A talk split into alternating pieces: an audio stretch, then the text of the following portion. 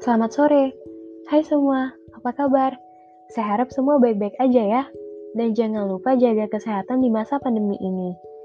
Perkenalkan, nama saya Raisa Clara Inari dengan NIM 2005100 jurusan Ilmu Komunikasi Universitas Pendidikan Indonesia. Pada kesempatan kali ini, saya mau membahas sedikit tentang dinamika pelaksanaan demokrasi di Indonesia. Kita dan warga lainnya tentu mendambakan pemerintahan demokratis yang menjamin tegaknya kedaulatan rakyat. Makanya, demokrasi perlu ditumbuhkan, dipelihara, dan dihormati oleh setiap warga negara. Oh iya, sebelumnya kalian udah tahu belum demokrasi itu apa?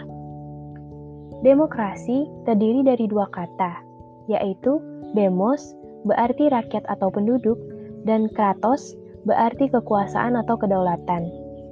Dari dua kata tersebut, terbentuklah suatu istilah demokratia yang berarti negara dalam sistem pemerintahannya kedaulatan berada di tangan rakyat, kekuasaan tertinggi berada dalam keputusan bersama rakyat, pemerintahan rakyat dan kekuasaan oleh rakyat, atau pemerintahan negara rakyat yang berkuasa.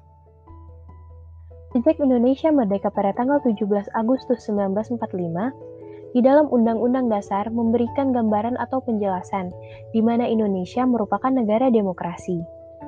Karena dengan mekanisme kepemimpinan presiden harus bertanggung jawab kepada MPR, dan MPR adalah sebuah badan yang dipilih dari rakyat.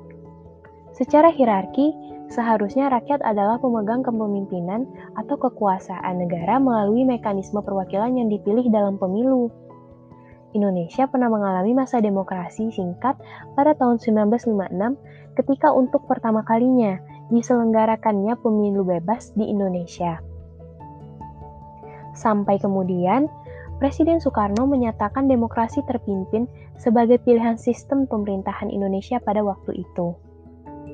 Setelah mengalami masa demokrasi Pancasila pada zaman Orde Lama atau era Soekarno, sebuah demokrasi semu muncul yang diciptakan untuk melanggengkan kekuasaan Soeharto.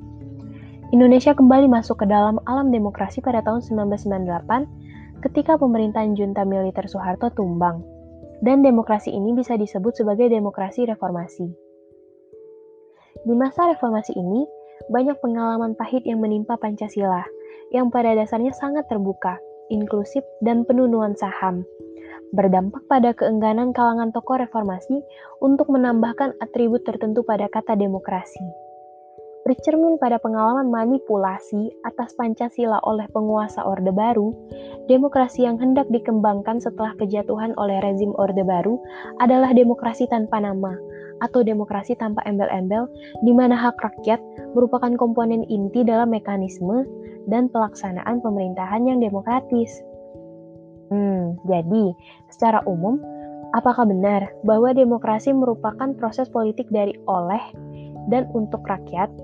Sepertinya itu tidak, karena masih adanya pelanggaran-pelanggaran yang dilakukan oleh negara sebagai penguasa, adanya diskriminasi negara sebagai penguasa pada kebijakan-kebijakan yang sudah dibuat. Sekian dari saya, sampai jumpa di kesempatan berikutnya.